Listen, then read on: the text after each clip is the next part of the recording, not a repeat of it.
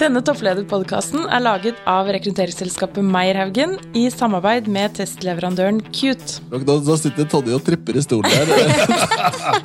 Ja, I mitt mentale bilde da, så er det egentlig sånn at du har et overbygg som på en måte er liksom litt som det strategiske 'hvor vil du hen', som er, er ganske viktig. Og så må du på en måte tenke egentlig på det prosessuelle, som du egentlig er litt innom. Og i det så er det den siden også hvor hvordan skal enten kunden eller hvordan skal de som utfører en tjeneste eller lager et produkt, på en måte mennesket i det, være med. Og så kommer egentlig teknologien. Så teknologi er for meg en muliggjører.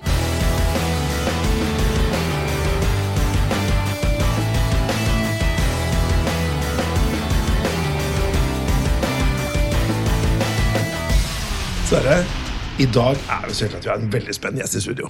Ja, og For meg så er det veldig spesielt. da for Det er liksom å komme hjem for deg. dette. Ja, det er nesten litt som å komme hjem, for dette er jo min tidligere sjef. Wow. Og du har jo vært, eh, du har ikke jobba i så mange selskaper. Nei, men jeg jobbet altså ti år i et selskap. Ja. Og det er Accenture. Og velkommen til deg, Tonje. Tusen takk. Hyggelig å være her. Så hyggelig å ha deg på besøk hos oss, og vi gleder oss til å snakke med deg i dag. Og det er jo Sandberg som er etternavnet ditt, og du er da administrerende direktør, eller CEO, i Accenture Norge. Og eh, kan ikke du bare fortelle sånn eh, Alle har hørt om Accenture, men sånn, hva er Accenture for noe? Vi er jo et veldig stort konsulentselskap. da, så I Norge er vi drøye 1000 veldig flinke ansatte. Og globalt er vi over 500 000, så en halv million ansatte. Så jeg pleier å si at vi har et utrolig stort lokalt hjerte. Og så har vi en gigaglobal muskel i ryggen. Og vi er ekte globale. Så vi jobber med konsulenter og lager strategier for folk. Og vi lager store teknologiløsninger til både offentlige og private virksomheter verden rundt. Ja, og Vi skal jo komme mer tilbake til Accenture, men jeg har lyst til å bli bedre kjent med deg da, som person. Ja. Så eh, hvis eh, vi hadde møtt hverandre på en eller annen sosial tilstelning, da, fotballkamp eller et eller annet, eh, og så hadde jeg spurt deg du, hva er, eh, hva er din store passion? Jeg, hva kunne du prate en hel kveld om som ikke har med jobb å gjøre? Hva skulle det vært? Det kunne faktisk vært eh, raske biler, hvis du var interessert i det. Ja, Men raske biler? Ja. Er det noe spesielt bilmerke, eller? Ja, Favorittbilmerket er Mercedes. Det er ikke det jeg har akkurat nå, Nei. men det er favorittbilmerket. Jeg syns det er veldig gøy å både se på Formel 1 og MotoGP og sånt noe, så det er nok en sånn familiepersen hjemme hos oss. Men, men det interessante, da, for nå må jeg spørre, for det er veldig mange av de som kommer fra en sånn bilinteresse, som ikke er så fan av elbiler. Hvordan stiller du deg til det? Nei, jeg har vel nå kommet så langt at jeg har hybrid. Oh, ja. Ja, eh, Så vi har bestemt at det må bli en elbil også. Så Ja. det blir nok én elbil og én hybrid. For- Men det er et eller annet med at du kommer til å miste lyden. da. Ja, du mister lyden, du Ja, gjør det. Men eh, du får jo en voldsom akselerasjon. Da jeg kjører Tesla, og det må jeg må si, det er jo morsomt å kjøre. Ja da, ja da. Det er det. ja. Men når det oppsto denne fascinasjonen for eh, raske biler, da? Den har nok kommet gradvis, for den første bilen jeg hadde, var en Fiat 127. Ja. Og så en Den Lada. kommer ikke i den kategorien. Nei, så det, så, så, så det har kommet etter hvert. Og så har jeg nok en mann hjemme som har vært veldig interessert, som har gjort at liksom, den interessen har blitt Det har vekket. vokst litt på deg? Ja, Og så liker jeg veldig godt å kjøre bil. Og det er vel ikke helt stuerent å si det i dag heller. Men har du, har du vært liksom sånn type på Rudskogen og testa biler og sånn, eller? Ja, jeg har ikke vært på Rudskogen, Gunn, men jeg har vært eh, andre steder og kjørt, ja. Ja, kult. Ah, Du, det der kunne vi prata mye om. Jeg er ikke sånn superinteressert i biler, men jeg er veldig interessert i folk som kan noe om ting. Og åpenbart så kunne vi sikkert, sikkert prata en hel kveld om, om biler, altså. Ja, det kunne vi nok. Men vi har også disse tre kjappe, Sverre. Ja, og de tre kjappe kommer vi til å stille deg på slutten av dette, denne lille praten vår, men vi introduserer dem nå, sånn at folk kan få lov til å sitte og lure på hva svarene blir. Første vi skal spørre deg om etterpå, det er hvis du skulle gitt et karriereråd til aspirerende toppledere. Hva skulle det vært? Den nummer to er om du kan dele ditt beste kilde til inspirasjon til lytterne våre. Og så har vi lyst til å gå i personlig, og det er å høre om din beste restaurantopplevelse og tips til spennende steder man kan besøke på den fronten. Og dere som lytter på, kan jo også tenke på hva ville dere svart hvis dere hadde fått de spørsmålene av Sverre. da. Men vi skal gå over til hva skal vi si, som er hovedtematikken i dag. Og det er jo da digitalisering av samfunnet. Altså Denne podkasten tas jo opp i begynnelsen av september 2020. Og, og vi er ikke out of the corona woods uh, ennå. Eh, noen spår at den eh, ja, er kanskje ta et år eller to eller tre før vi er ferdig. Men det vi skal ønske å prate om, er eh, jo, eller Moren min sier jo det at hun har fått en ufrivillig master i digitalisering eh, de siste månedene. Og det jeg tenker er at dette har påvirket liksom både på individnivå, og samfunnsnivå og bedriftsnivå. Men, men fortelle, hvordan opplever du det da, personlig fra ditt ståsted? øh, Denne digitaliseringsbølgen som har kommet over oss? Jeg liker uttrykket til moren din, da, fordi jeg tror faktisk at det er et veldig viktig observasjon. Altså Veldig mange nå har opplevd at teknologi kan spille en annen rolle enn den man tenkte at teknologi kunne gjøre før vi sto i covid-perioden. Så for meg så er egentlig det at så mange mennesker i samfunnet og i virksomhetene nå ser at det er mye større muligheter til å bruke teknologi til å både hjelpe seg i hverdagen, så det vil påvirke liksom rett og slett livene våre, hvordan vi lever, eh, og det vil påvirke egentlig hvordan vi ser at de mulighetene som faktisk eksisterer, kan brukes for å være konkurransedyktige. Og det er jeg kjempeopptatt av. At vi som eh, samfunn og foretak i Norge kan være gode nok til å være konkurransedyktige. Eh, og da tenker jeg at mulighetene rundt bruk av teknologi er noe vi skal faktisk holde litt tak i. For det at mange ganger når jeg har snakket med folk rundt meg, både kunder og ellers, så er det liksom sånn Jeg kunne tenke meg at dette var mulig, men jeg tror ikke det er mulig. Og nå har man jo faktisk bevist at veldig mye er mulig. Og der har også en, egentlig en utfordring til, til ledere. For det er vanskelig å på en måte stå midt oppi det du har i dag. Altså nåtidens løsninger, nåtidens produkter og tjenester. Og liksom det du har ut til dine kunder. Og så skal du på en måte med den høyre hånden da også sette i gang hva som du skal gjøre til fremtid. Og det tenker jeg er veldig viktig, og der er teknologi en mye viktigere eh, ingrediens og en mulighet for å få suksess. Og da har vi, sånn som i, i, løpet av sommeren, så gjorde vi en stor global undersøkelse blant toppledere både i Asia og USA og Europa. Da får vi opp noen funn som er litt sånn bekymringsfulle, syns jeg. Og det er blant annet det at vi i Europa vi investerer faktisk nå litt mindre enn våre konkurrenter i de to andre store geografiene. Det bekymrer meg. På tech, på digitalisering? Ja, på digitalisering. Ja. Uh, og den Undersøkelsen er ikke spesifikk på Norge, men den på en måte har intervjuet ledere generelt i Europa, og da i Asia og USA. Og det er klart at det gjør at jeg tenker at det er kjempeviktig at vi eh, sørger for å være nok oppe av godstolen, rett og slett. Altså ja. At vi er eh, proaktive nok, at vi Eh, ser rett og slett hvordan vi skal eh, videreutvikle våre virksomheter. Eh, både det offentlige Norge, men også spesielt de kommersielle aktørene. Men, men denne, hvorfor er det tilfellet, tror du? For det du sier er at i andre geografier så investerer man mer på digitalisering. Ja, vi ser det både på digitalisering, og en tilleggsbekymring er at vi ser det faktisk også på innovasjon. At de andre regionene er enda litt mer foroverlente på innovasjon. Og når du da legger sammen med på en måte litt lavere investerings i digitalisering og det nye, og litt lavere innovasjonsfokus, så er det grunn til å tenke at vi må trå til, rett og slett. Ja. Vi må tørre liksom med den ene hånden å holde tak i virksomheten vår, og så må vi hele tiden tenke på hvordan vi utfordrer oss selv og fornyer og skaper fremtiden. Jeg tenker at Vi har mange fine eksempler på at vi gjør det også. Det har vi. Så hvis du tar et oljeselskap, da, viktig for oss i Norge, så holder vi jo tak i oljevirksomheten vår. Men vi jobber jo veldig også med å skape det grønne skiftet. Det tenker jeg er et godt eksempel på, på noe som er viktig å gjøre. Ja. Men hvordan vil, liksom Man prater om digitalisering, da. Og digitalisering øh, si, det er, det er, to skoler her, tenker jeg. da. Den ene skolen er at jo mer, jo bedre. ikke? Altså Alt kan digitaliseres, og alt blir øh, Det er liksom en lineær tankegang at jo mer, jo bedre. Men så er det jo noen som mener at ja, det er ikke alt som skal digitaliseres. Altså er, du mister noe på veien. da. Og sånn som Vårt selskap Meierhaugen, vi har på en måte et slogan som heter high tech og high touch.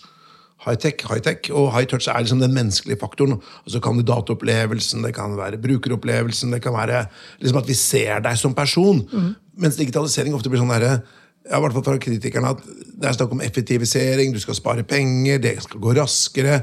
Og den menneskelige faktoren, altså UX-en, altså brukeropplevelsen, den er vektes lavt. da. Hva mm. tenker du da?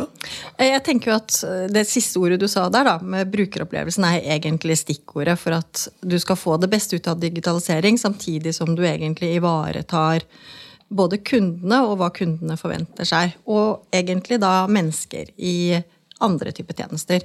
Så eh, jeg tror jo at når vi skal bruke teknologi, så må vi sørge for at brukeren er i sentrum, uansett hvilken type bruker det er vi snakker om. Om det er en bruker av varehandeltjenester, eller om det er en bruker av helsetjenestene våre, så er det viktig at vi har et brukerperspektiv. Og det betyr egentlig at når man skal utvikle liksom, de digitale løsningene, så trenger man tverrfaglig team. Så man trenger en god teknolog, men man trenger også den som kan industrien dette dreier seg om, og den som på en måte har veldig god innsikt i kundene. Uh, og det er helt klart at, at, dette er et samspill som man må få til. Og, og, det er ikke nødvendigvis alltid så lett, men det klarer man å få til hvis man vet at man må lage det tverrfaglig for å få det mm. fokuset på, på brukeren eller kunden. Ja, men bare, ja. ja men, eh, jeg må spørre, fordi du kan si, Gitt det du sier da, om at uh, Europa kanskje ligger i forhold til andre geografier litt bak på digitalisering, så kommer korona, og så får vi alle en ufrivillig mastergrad i digitalisering. Og det har jo vært en voldsom bråmodning for mange bedrifter på egentlig ganske enkle ting som samhandling, f.eks. Mm. Uh, hvordan var det for dere fordi ofte så er det, er det sånn skomakeren har hullete, skomakerens barn har hullete ja. sko. Måtte dere liksom ta noen sånne brågrep, eller var dere der allerede? Jeg kan godt si litt om det. Altså, du kan si Vi i Accenture vi er verdens største bruker av Teams. Eh, med våre 500 000. Og det betyr jo at vi var vant til å samhandle elektronisk og digitalt. Eh, og vi hadde på en måte de løsningene vi trengte. Men så er det jo noen menn. Ja. For vi er jo også vant til å være fysisk sammen med kundene våre. Eh, og vi er vant til å være fysisk sammen selv også. Så i mars, når vi sto der, så var det klart at vi visste at vi hadde faktisk to ekstremt store produksjonssettinger som skulle skje i mars. Ja. Og da var det sånn, da tar du et lite skritt tilbake og så, og så tenker du liksom hvordan skal vi gjøre dette? Både teamet vårt, teamet hos kunden, som da er et felles team. Vi skal løse dette, vi skal løse det fra hjemmekontor. Det som var veldig spennende, det var at kreativiteten i forhold til hvordan vi løste det, den var veldig stor. Ja. Uh, og vi fikk til et utrolig tett samarbeid, uh, og vi gikk live uh, med begge disse to store produksjonssetningene. og kunden kunne være fornøyd, og, vi kunne være fornøyd. og jeg tenker at Det gjorde liksom noe med den der selvtilliten på at selv om vi pleier å gjøre det annerledes, og vi har store digitale løsninger som vi er vant til å bruke, så får vi også det til når vi må på en måte tenke litt nytt. Ja. Eh, og så kan du si at eh, så var det folk hos oss som eh, filosoferte mye på den situasjonen vi var i, og vi fikk også litt, eh, vite litt om problemer som det offentlige hadde i den korona startfasen, og, og, ting som var veldig viktig for oss som samfunn. Et veldig lite eksempel er at man var jo opptatt av alt smittevernutstyret og hvor mye vi faktisk hadde tilgjengelig. Og man var jo redd for at vi hadde for lite. I den forstand så var de opptatt av å kunne vite hvor mye smittevernutstyr hadde tannlegene. Ja. Eh, Altinn er en løsning som enhver aktør i Norge bruker, uansett om du er bedrift eller om du er privatperson. Og da må jeg bare si som en digresjon ja. at den har jeg vært med på å utvikle som konsulent i Accenture. Ja. by the way. Og den har vi jobbet veldig mye, og det er faktisk en av de eksemplene på en digital løsning vi i Norge har, som er veldig bra, og som er på en måte stor, og som sparer oss for mange milliarder i året, og som på en måte vi er tidlig ute som nasjon å ha. Eh, selv om vi har hatt den lenge nå, så fremdeles så er det ikke alle eh, samfunn og land som har noe lignende den kunne vi faktisk foreslå til helsemyndighetene at vet du hva, vi kan lage et lite skjema for dere i løpet av noen timer en søndag kveld, og dere kan produksjonssette det på mandag. Og det gjorde de. For å få inn hvilke smittevernutstyr tannlegene hadde. Jeg er nesten litt skuffa over at dere ikke ringte meg, for jeg jobba jo faktisk med skjemautvikling. ja. så, så, så, så, du kan si at den der situasjonen vi var i, var litt sånn Ja, vi må prøve å opprettholde liksom det vi holder på med sammen med kundene våre. Vi ønsker jo å få levert. Og samtidig så var det helt klart at når situasjonen var sånn, alle var jo opptatt av liksom, hva er det vi trenger som samfunn nå. Da kom liksom disse her ideene, og de kom herfra og derfra. og Det var bare et lite eksempel. Men eh, altså vil jeg jo tro da, hvis vi, hvis vi ser litt på din rolle inn i dette, da, så sitter du der, ikke sant, leder et av de største konsulentselskapene, eh, og så skjer dette, og det har jo en impact. Jeg er helt sikker på at det skjedde ting på salgspipelinen deres som endret seg, og det ble en stor usikkerhet osv. Hvordan var det for deg som toppleder å sitte oppi dette? Hvilke spørsmål stilte du deg? Hvilke valg måtte du ta? Ja, Vi hadde mange spørsmål og mange valg, rett og slett. Og for meg så var det veldig viktig å med en gang få i gang aktiviteter som gjorde at vi beholdt nærhet. Eh, Og det er jo også litt til det spørsmålet dere hadde i sted. Altså hva er balansen mellom det digitale og det nære? Så det å klare å ha veldig korte, men hyppige møtepunkter i ledergruppen, det var noe av det første tiltaket vi iverksatte i Norge, men også i Norden og hele globalt. Sånn at eh, i Norge hadde vi en liten halvtime hver eneste dag i begynnelsen. Eh, og vi hadde det også i forhold til den større gruppen av ledere. Da hadde vi et lite kvarter. Sånn at alt som noen opplevde, kunne vi fange opp raskt og agere på. Så det var viktig. Så var det selvfølgelig ganske mye dialog med kundene. Eh, og så så vi det at vi er nødt til å på en måte hyppigere også prate med og, og, og sammen med alle våre ansatte. Så vi gjorde ganske mye der. Så vi hadde liksom veldig tidlig en liten sånn session. Hvordan ta vare på deg selv når du jobber fra hjemmekontor. Den første Teams-arrangementet som vi hadde da, eh, det kunne ta 250 personer. Det var helt fullt. For det var folk opptatt av å på en måte få de gode tipsene. Eh, Etter hvert som tiden gikk, så kom ansatte opp med gode ideer. Da hadde vi den perioden hvor foreldre var hjemme, og barna var der, osv. Det var veldig krevende å, å på en måte holde tak i alt sammen.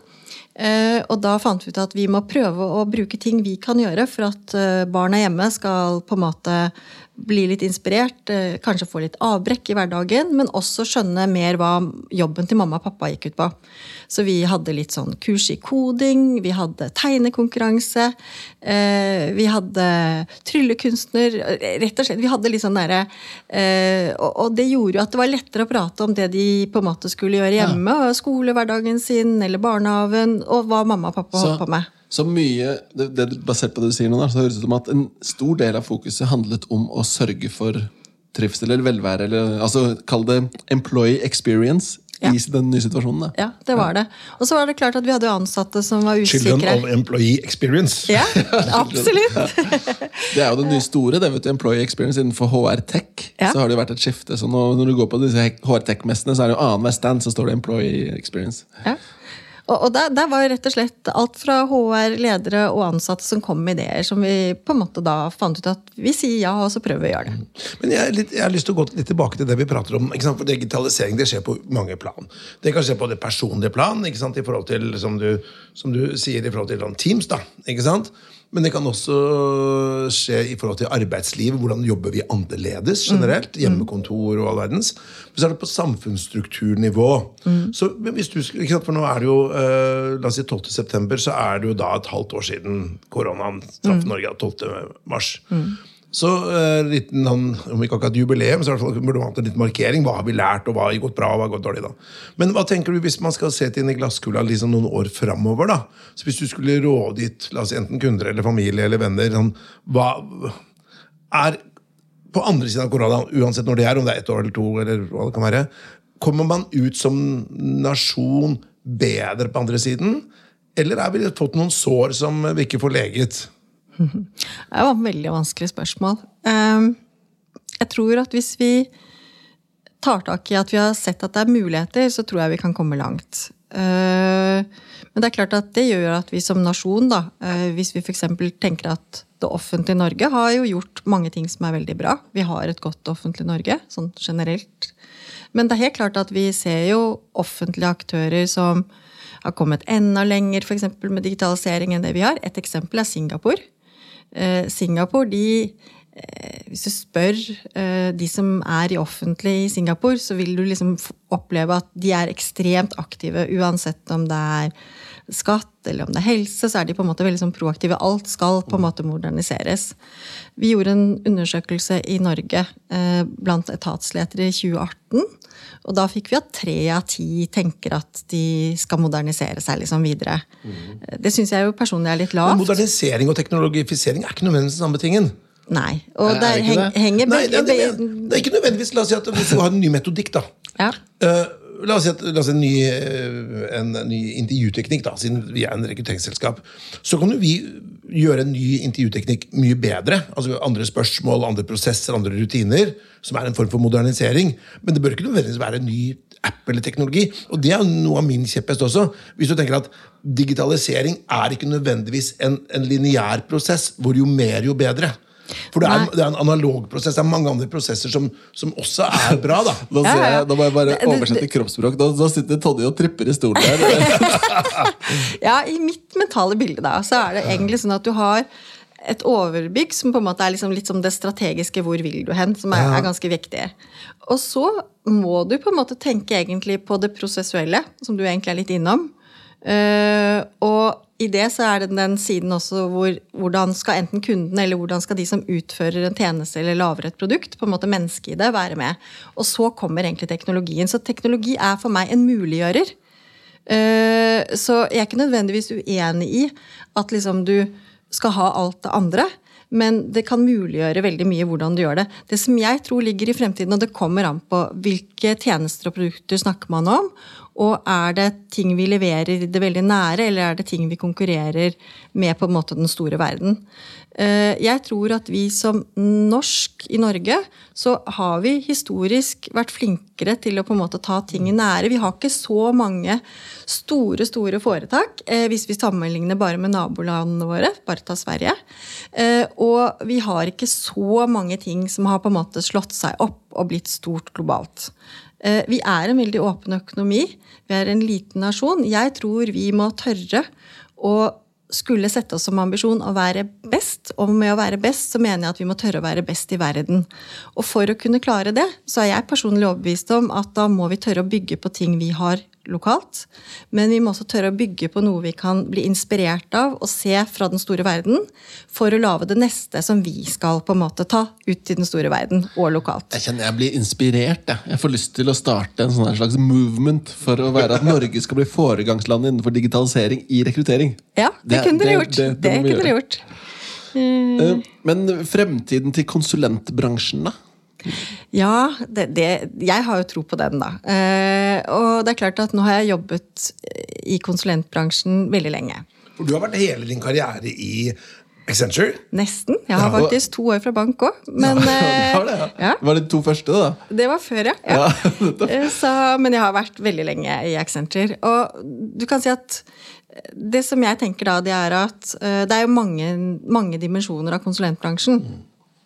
Det som jeg noen ganger syns er litt trist, og det er kanskje et personlig hjertesukk, det er jo at øh, man har ingen negative ting eller ingen problemer med å si at når jeg skal bygge et hus, så trenger jeg rørlegger og elektriker og sånt noe.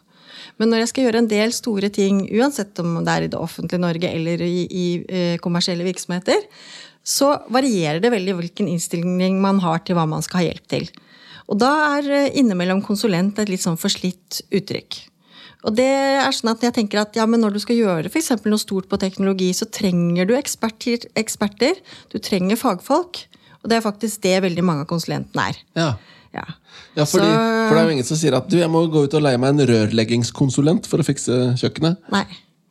Så, det er jo det så, samme. det er det samme.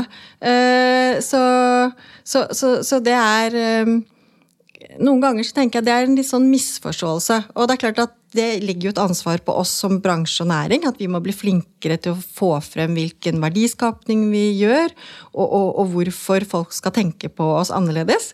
Eh, samtidig som, som vi ønsker jo også at dette skal komme tydelig frem. Men hvis, vi, hvis vi tar det er en interessant tematikk da. Hvis du ser på liksom, sånne belastede ord I noen miljøer så er jo konsulent det er liksom, Du ser for deg noen som driver med noen slides, powerpoint-shows Ja. med dress og slips osv. Samme har du med salg. Ja. Og så velger du noen steder, så pakker du det inn. Du gir en tittel, titler er billig. Så sier du nei, det er ikke en selger, det er en client success manager. Vil det funke bare å putte et nytt ord på det? Vi har faktisk diskutert det noen ganger i bransjen. Vi har ikke gjort det, da. Men Hva eh, skulle man kalt det da? nei, jeg vet ikke. Vi har ikke kommet opp med noe godt svar. Men det blir jo bare sånn refrasering. ikke sant? Man hadde jo ord for liksom, ting som bare sånn der eh, Jeg skal ikke bruke eksempler nå, da, men, men, men, men man, og så hadde man kommet på et nytt da, ord, og så blir det, liksom, går det to år, og så er det feil, og så er det feil, og så er det feil. Så jeg tenker jo heller at jeg er jo helt enig med deg at vi er jo konsulenter, vi også, eh, i rekrutteringsselskapet Meierhaugen her, da. Men og ingen vil jo bruke oss. Det er jo ikke et mål i seg selv å bruke konsulenter. Ikke sant? I hvert fall, man synes jo ikke Det Det er ikke en strategi at ja, nå skal vi bruke enda mer konsulenter. Um, men det er jo en grunn til at man er der. Ikke sant? For man, Absolutt. For, for, men det jeg tror det handler om, er jo litt sånn bestillerkompetanse hos de som bruker det. Og en strategi rundt det. Jeg husker at jeg jobbet i Arbeidsdirektoratet for mange år siden. og da var det sånn, Jeg hadde telefonlister, og da sto det sånn navn på konsulentene. Så man kunne ringe de da. Og så sto det sånn eh, navn på et eller annet, et eller annet da, og så det i i permisjon. For, da, for den personen skulle jo tilbake, da, jobbet der i mange år som konsulent fra et eksternt selskap, men skulle jo tilbake igjen senere. og sånn, Så de ble behandla som omtrent som fast ansatte. De var der jo i år etter år etter år. etter år. Altså, jeg skal vente på at ja, kanskje Accenture har hatt folk i Nav-systemet i ti år. Så du kan si at der- Derfor tenker jeg at det viktigste er egentlig å vite at det vi hjelper til med, og det vi blir, får som oppdrag, det har veldig god verdi. Eh, og det er vi opptatt av å måle, og vi er veldig opptatt av at virksomhetene faktisk opplever at de får igjen det de eh, har som målsetning, og at de oppnår det de skal. Uh, og det ser vi, og vi følger med nøye, og vi ser at det er det som skjer. Uh, og nå nevnte jeg Altinn i sted. Hvis du tar hvor mange milliarder det sparer det norske samfunnet i året, så er det ingen tvil om at det var verdt investeringen. Og så kan jeg jeg har ikke lyst til å navngi andre mer kommersielle private aktører, men du har tilsvarende eksempler andre steder. Eh, så, så det er nok det med å få verdi. Og så er det egentlig det å evne å gjøre ting, da. Og det er klart at sånn som vi Sånn som å være innovativ nok, da. Er man som enkeltindivid nødvendigvis innovativ nok? Jeg kan i hvert fall for egen del si at nei, det er jeg jo ikke hele tiden. Men jeg prøver jo å være det. Og, og hvordan prøver jeg å være det? Jo, det er f.eks. da å følge med på hva som mine kollegaer og eksperter rundt om i verden fanger opp at skjer, er med på at skjer. Og det kan vi bringe til Norge. Så sånn som øh, for noen år tilbake så så vi at noe skjedde i et annet land. Og det visste vi at dette ville en stor virksomhet i Norge ha utrolig glede av hvis vi klarte å gjøre her òg. Og det fikk vi gjort. Og da eh, er det jo sånn at da får du jo til Du ble mer konkurransedyktig faktisk i Norge, men dette er også en aktør som er global. Mm. Så den klarte å Og alle være er kjempenysgjerrige på hvem Eh, og, og den klarte å være mye mer konkurransedyktig også ute i verden. Og liksom det å på en måte være med det, ta noe, bygge på det du har, få det liksom inn i hele det konsernet, kjempespennende. Ja. Og så fins det noen eksempler på crash and burn-prosjekter også, har jeg latt meg fortelle. Det gjør det, Men det skal vi ikke prate om her. Nei. Men jeg tenker sånn, eh, vi hadde jo da eh, lederen for eh, et annet stort konsulentselskap innom her på Topplederpodkast, det var et års tid siden. Og det var Boston Consulting Group. Og han han sa det at da spurte han hva er liksom disrupsjon i bransjen. og da sier han at det, Før så kunne man komme med et råd. En en lang strategiprosess. Jo, gjør det. Men det har endret seg, sier han. Nå holder ikke det lenger. Nå må du også sørge for at kunden får implementert det. For du kan komme med verdens beste råd, men så lenge de ikke følger det, eh, så ser ikke de verdien av det heller. Nei, og det, det er jeg helt enig i. Og du kan si det er jo en av de styrkene vi har hatt opp igjennom. Og det er nok også derfor vi faktisk har vokst som selskap, også både lokalt og globalt. Eh, Så er det egentlig den nære biten fra å se hva som er en utfordring, eller hva du ønsker å oppnå som en ny målsetning. Lage en god plan på det, og så rett og slett implementere raskt. Og det er klart at i forhold til teknologi så snakker man jo om agilt DevOps, altså du har veldig mange ting som på en måte er mye mer dynamisk. Eh, og så ser vi også nå at i tillegg til det dynamiske, så ser man at flere aktører rundt om ønsker å på en måte ha det dynamiske på noe, og så er det noe som er litt mer sånn sunset, som skal gå til lavere kost, som tikker og går i et annet tempo.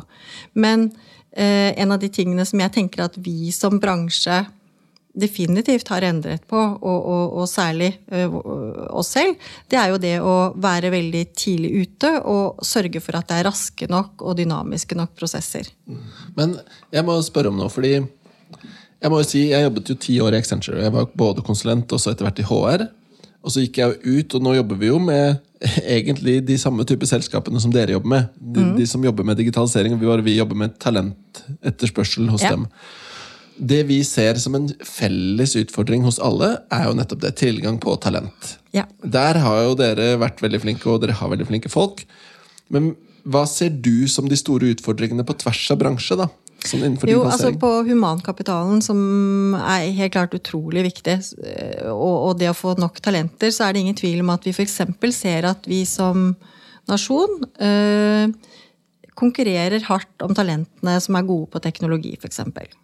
Så vi har jo snakket mye med, med politikerne for å få nok teknologiplasser i Yes. utdanning. Amen. Eh, og de har økt det også, sånn at eh, Men, det er ikke nok. Men hvorfor ikke mer? Ja, og det er liksom noe av svaret, da. At det.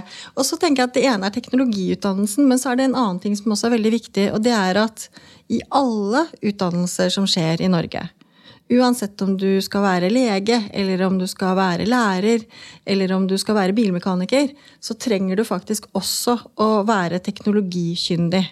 Og, og, og, og bruke teknologi. Så vi trenger både de spisse teknologiutdannelsene og øke antallet der. Men vi trenger også kraftigere teknologikomponent i alle utdannelser. Ja, og det har noe med at liksom, det som noen var innom her, hvordan skal en, en eh, samhandling med en bruker f.eks. være da? Da trenger du jo at på en måte eh, den som er industrieksperten eller læreren eller legen, på en måte kan være med i det i forhold til teknologi. Ja. Du, dette er jo en topplederpodkast. Jeg må bare stille deg et par spørsmål, for du er jo toppleder nå. Når skjønte du at du kom til å bli eh, toppleder i Accenture? da? Det var akkurat det hadde jeg notert meg som et spørsmål. Ja, faktisk.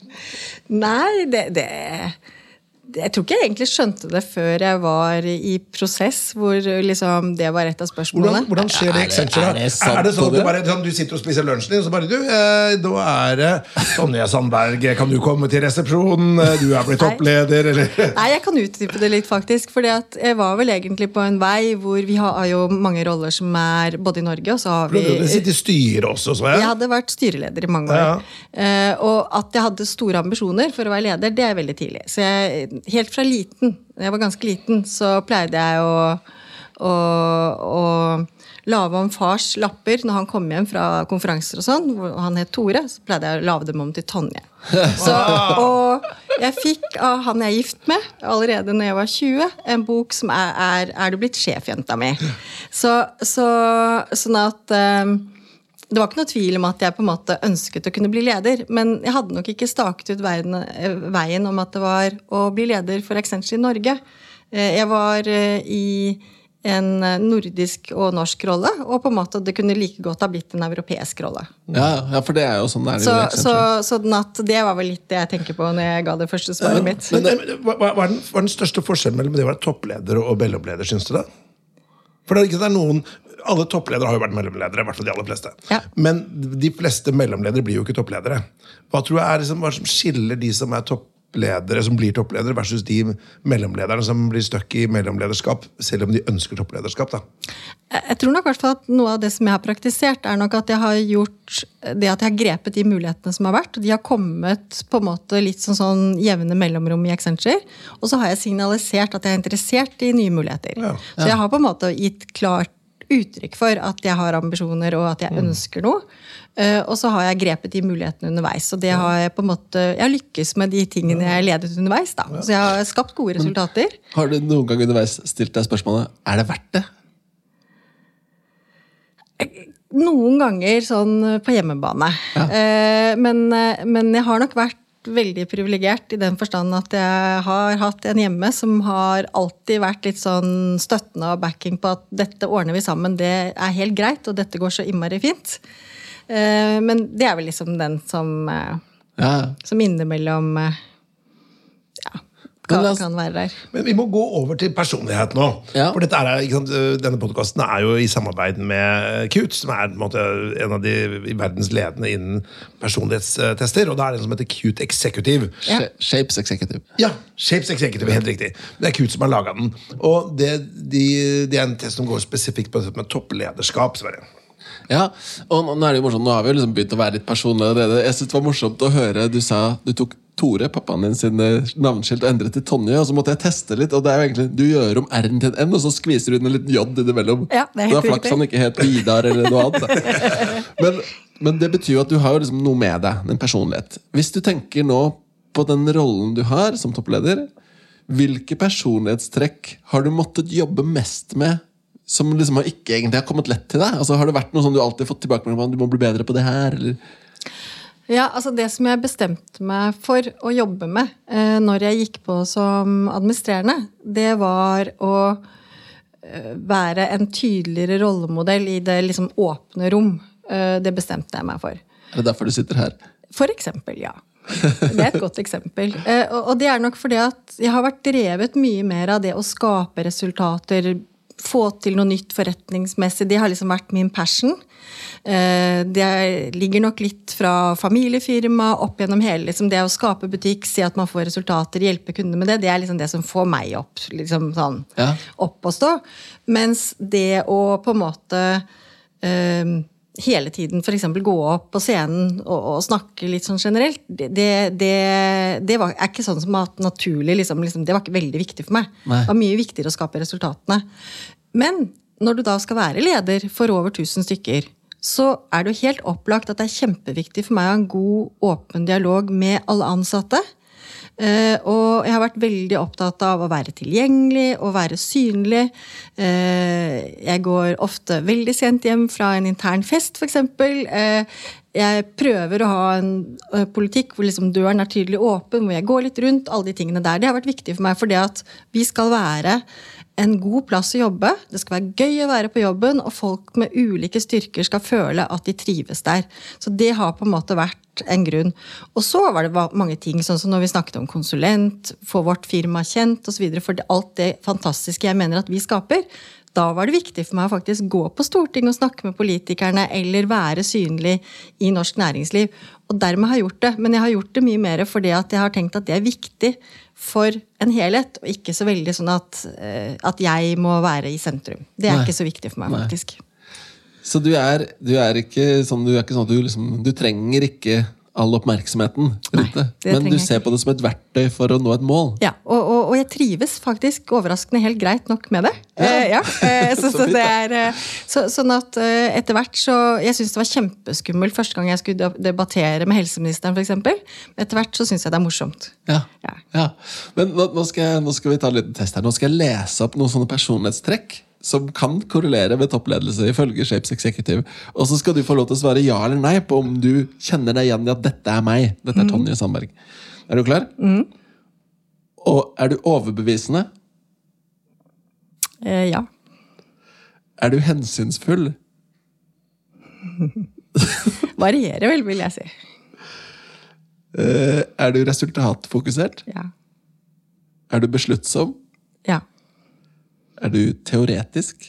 Nei. Er du optimistisk? Ja. Jeg er veldig optimistisk.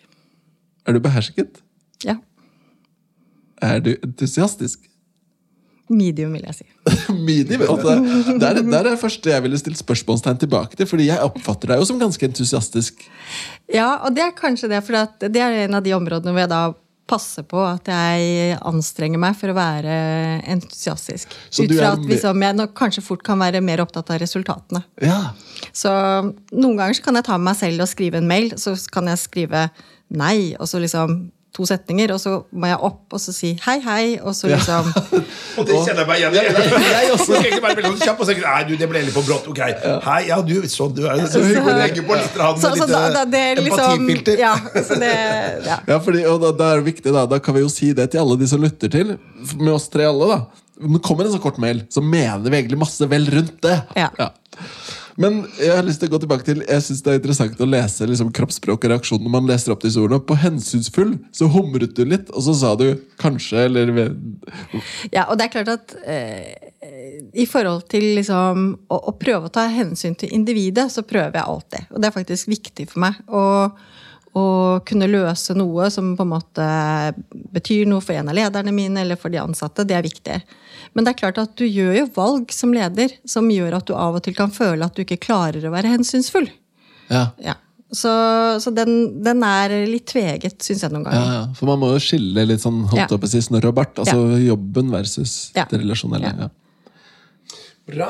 Du, dette kunne vi jo prata om hele tiden, da, men, men uh, vil du tro, tror du at det er forskjell på personlighet? For du sa i stad at du hadde vært veldig tydelig på ambisjoner, da, og at du ville ta noen steg.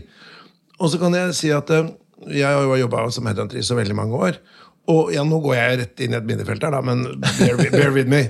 Det er at det jeg tror, da, hvis du skal si en, en, en forskjell på kjønn her, da Så det er kanskje gutta har vært tydeligere på nettopp det her ambisjoner og opp og fram og sånn. Mens, mens kvinner har i større grad De kan ha vært like ambisiøse, men de har holdt det litt mer skjult. da Uh, holdt det litt mer inni seg. Hva tenker du rundt det? Er det en hypotese som bærer vann, eller? Jeg kan godt kommentere faktisk med et personlig eksempel på det, til og med. Uh, Jeg fikk barn i eh, 95 og kom tilbake fra barselpermisjon da sommeren 96. Og da skulle man være veldig hensynsfull med meg. Så man, jeg fikk spørsmål på spørsmål. Er du sikker på at du ikke vil ha deltid? Er du sikker på at du ikke vil ditt eller datt? Eh, og for mange så var noen var det riktig å ta deltid, men for meg så var det liksom egentlig, jeg følte nesten at jeg måtte rope høyt med å si at nei, nei. Jeg har akkurat de samme ambisjonene som jeg hadde før jeg gikk i permisjon.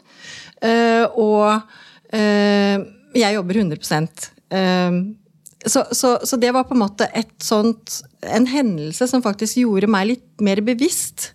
At jeg må passe på å uttrykke hva jeg vil. For nå vil man være inkluderende, man vil være hensynsfull.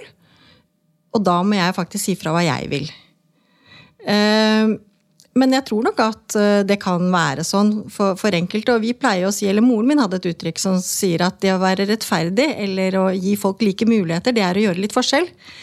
Eh, Og det faktisk prøver vi å praktisere litt hos oss. Og det er jo på en måte å se hva den enkelte for, som er på sin karrierevei, faktisk trenger da, for å lykkes. Og det kan nok være sånn at vi kan finne at flere kvinner kan trenge enda litt mer hjelp for å uttrykke eller på en måte si høyt de ambisjonene de har. Ja. Og da prøver vi faktisk å ta oss tid til å få til det. Jeg må bare, jeg, det var et interessant utsagn. Det å være rettferdig er å gjøre litt forskjell. Ja, det, vi, vi, vi er vokst opp i en søskenflokk på fire, så min mor gjorde selvfølgelig av og til forskjell, og da prøvde hun å forklare oss Ja. at det er, for dere er fire forskjellige individer, så dere trenger faktisk litt forskjellig. For det det det handler om, er poeng. om mulighetslikhet eller resultatlikhet. Ikke sant? Alle skal få like muligheter, Ja. men du ønsker jo ikke det samme resultatet nødvendigvis. Nei. Vil du det og det, ja, men så gjør du det. Selv om det Ja, ikke sant? Ok, Jeg tenker vi må gå litt på disse tre kjappe, igjen, for jeg er jo veldig spent. Jeg, hva som uh, Tønne Ja. kommer til å svare. Og jeg må jo si Det er, har vært kjempespennende å reflektere og diskutere med deg så langt. Nå skal du få disse tre kjappe, uh, når vi nå etter hvert går inn for en myk landing. må jeg si. Uh, først så vil vi spørre deg Hvis du skulle gitt ett karriereråd til en aspirerende toppleder, hva skulle det være? Ja. Tør å gripe den muligheten du får, og vær nysgjerrig. Ja. Vær nysgjerrig. og det elsker jeg. Det er jo en av verdiene våre. Nysgjerrighet. Veldig viktig. Hva skal man være nysgjerrig på? Egentlig mer enn det man tror man liker, er faktisk min erfaring. Altså Du skal tørre faktisk å hive deg litt uti det. Eh, og noen ganger så sier jeg det at hiv deg heller litt uti det og hyl litt underveis, enn å ikke tørre å gjøre det. Ja, så, så, du sier at sånn som nå da, Når Petter har invitert meg, meg på fotballkamp, som er det siste jeg hadde gått på, så skal jeg egentlig bare omfavne det og Ja, prøve. det, ja. Du må prøve det. Det syns jeg er ryddig, Sverre. Ja. Oi, men hyl gjerne litt underveis. Det er ganske akseptabelt på fotballkamper. Jeg har sagt jeg skal møte opp sånn ganske kanarigul i den der Vålerenga-svingen. Jeg tror det blir blodig. Det er det siste du gjør i så tilfelle. Men, eh, neste spørsmål. Hva har vært ditt, eller er, ditt, din, din beste kilde til inspirasjon? Jeg tror faktisk at det innimellom er å, å trekke seg litt tilbake og, og reflektere litt på hva du ser rundt, for å så på en måte eh, være veldig fokusert igjen. Det kan være en god prat med en i familien eller en venn, eller det kan faktisk være den lille rusleturen hvor på en måte bare tankene får eh, være fritt. Ja. Og den beste timen syns jeg i helgen, det er faktisk lørdag morgen, hvor jeg er på trening sammen med noen venninner. Det rensker opp utrolig bra. Ja, Så liksom få tid til å tenke. Ja, tid til å tenke er viktig. Så bra. Så skal vi inn i, inn i de hedonistiske nytelser uh, og spørre deg uh, Nå vet jeg ikke om det er noen sånn restaurantgård, men ditt beste restaurantopplevelse? Hva er det? Ja, min helt klare favoritt i Oslo er Statoilegården. Ja. Og der liker jeg å ta med utenlandske gjester eller eh, familien. Og der har vi hatt så mange kjempekoselige opplevelser. Og spesielt når Bent eh, Stiansen selv kommer mellom bordene og prater med sin blide dialekt. Det gjør han, vet du. oi, oi, oi. Da er det god stemning. Og da sa datteren min første gang hun var med Ja, men jøss, han kjenner deg jo, mamma. Så, så, så personlig klarte han å være. Ja, Det er bra. Vi er ikke helt der, skjønner jeg. Eh, Men så spennende. Du, Veldig, veldig bra. Jeg har lyst til å stille et spørsmål til, til deg. Fordi vi, vi, hvis, vi får jo nye gjester til denne podkasten her. Og hvis du skulle sende ett spørsmål videre til en annen leder som vi kan stille til dem, som du kanskje kunne tenkt deg å høre noen andre reflektere over inn i ledelse, hva kunne det vært, eksempel? Jeg tror nok at jeg er veldig nysgjerrig på hvordan flere av lederne ser egentlig ett til to år frem i krystallkulen. For det at vi er i såpass uvant terreng. Det er et veldig tidsaktuelt og relevant spørsmål. Ja. jeg si. Da skal vi ta det med oss videre.